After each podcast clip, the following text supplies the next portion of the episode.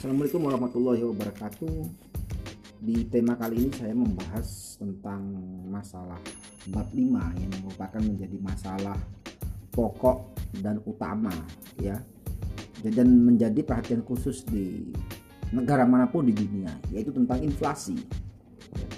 Jadi inflasi itu pada intinya adalah kenaikan ya, harga barang dan jasa secara umum yang terjadi secara terus-menerus dalam periode tertentu.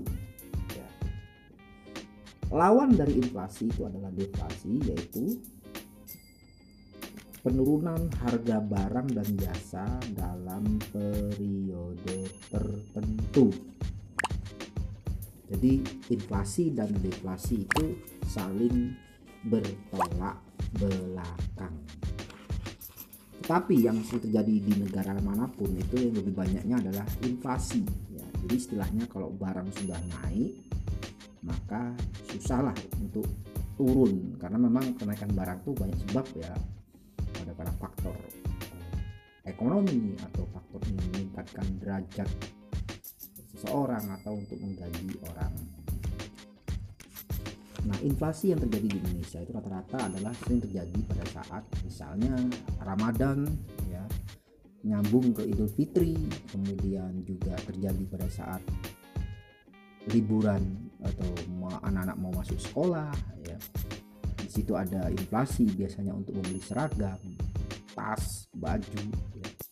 Kemudian waktu liburan misalnya di Desember hingga Januari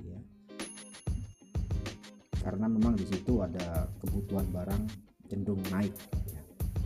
nah itu adalah masalah inflasi. Kemudian inflasi ini dijaga oleh pemerintah dengan cara juga membentuk TPID atau tim penanganan inflasi daerah. Itu biasa terjadi di daerah-daerah.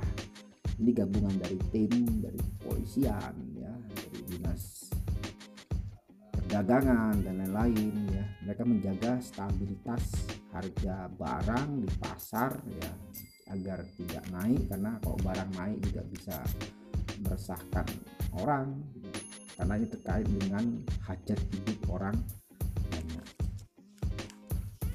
Nah itu adalah inflasi ya. Yang jelas inflasi itu di Indonesia diusahakan agar kenaikan itu tidak lebih dari 5% ya. Satu persen itu sudah pemerintah berusaha untuk menurunkan. Dan bisa disebut ini adalah inflasi ringan ya terjadi di bawah 10 persen. Baik demikian penjelasan dari saya tentang inflasi. Itu lebih jelasnya dan detailnya silahkan anda bisa baca di buku ekonomi makro karangan saya ya. Itu akan lebih detail dan jelas. Terima kasih atas perhatiannya Assalamualaikum warahmatullahi wabarakatuh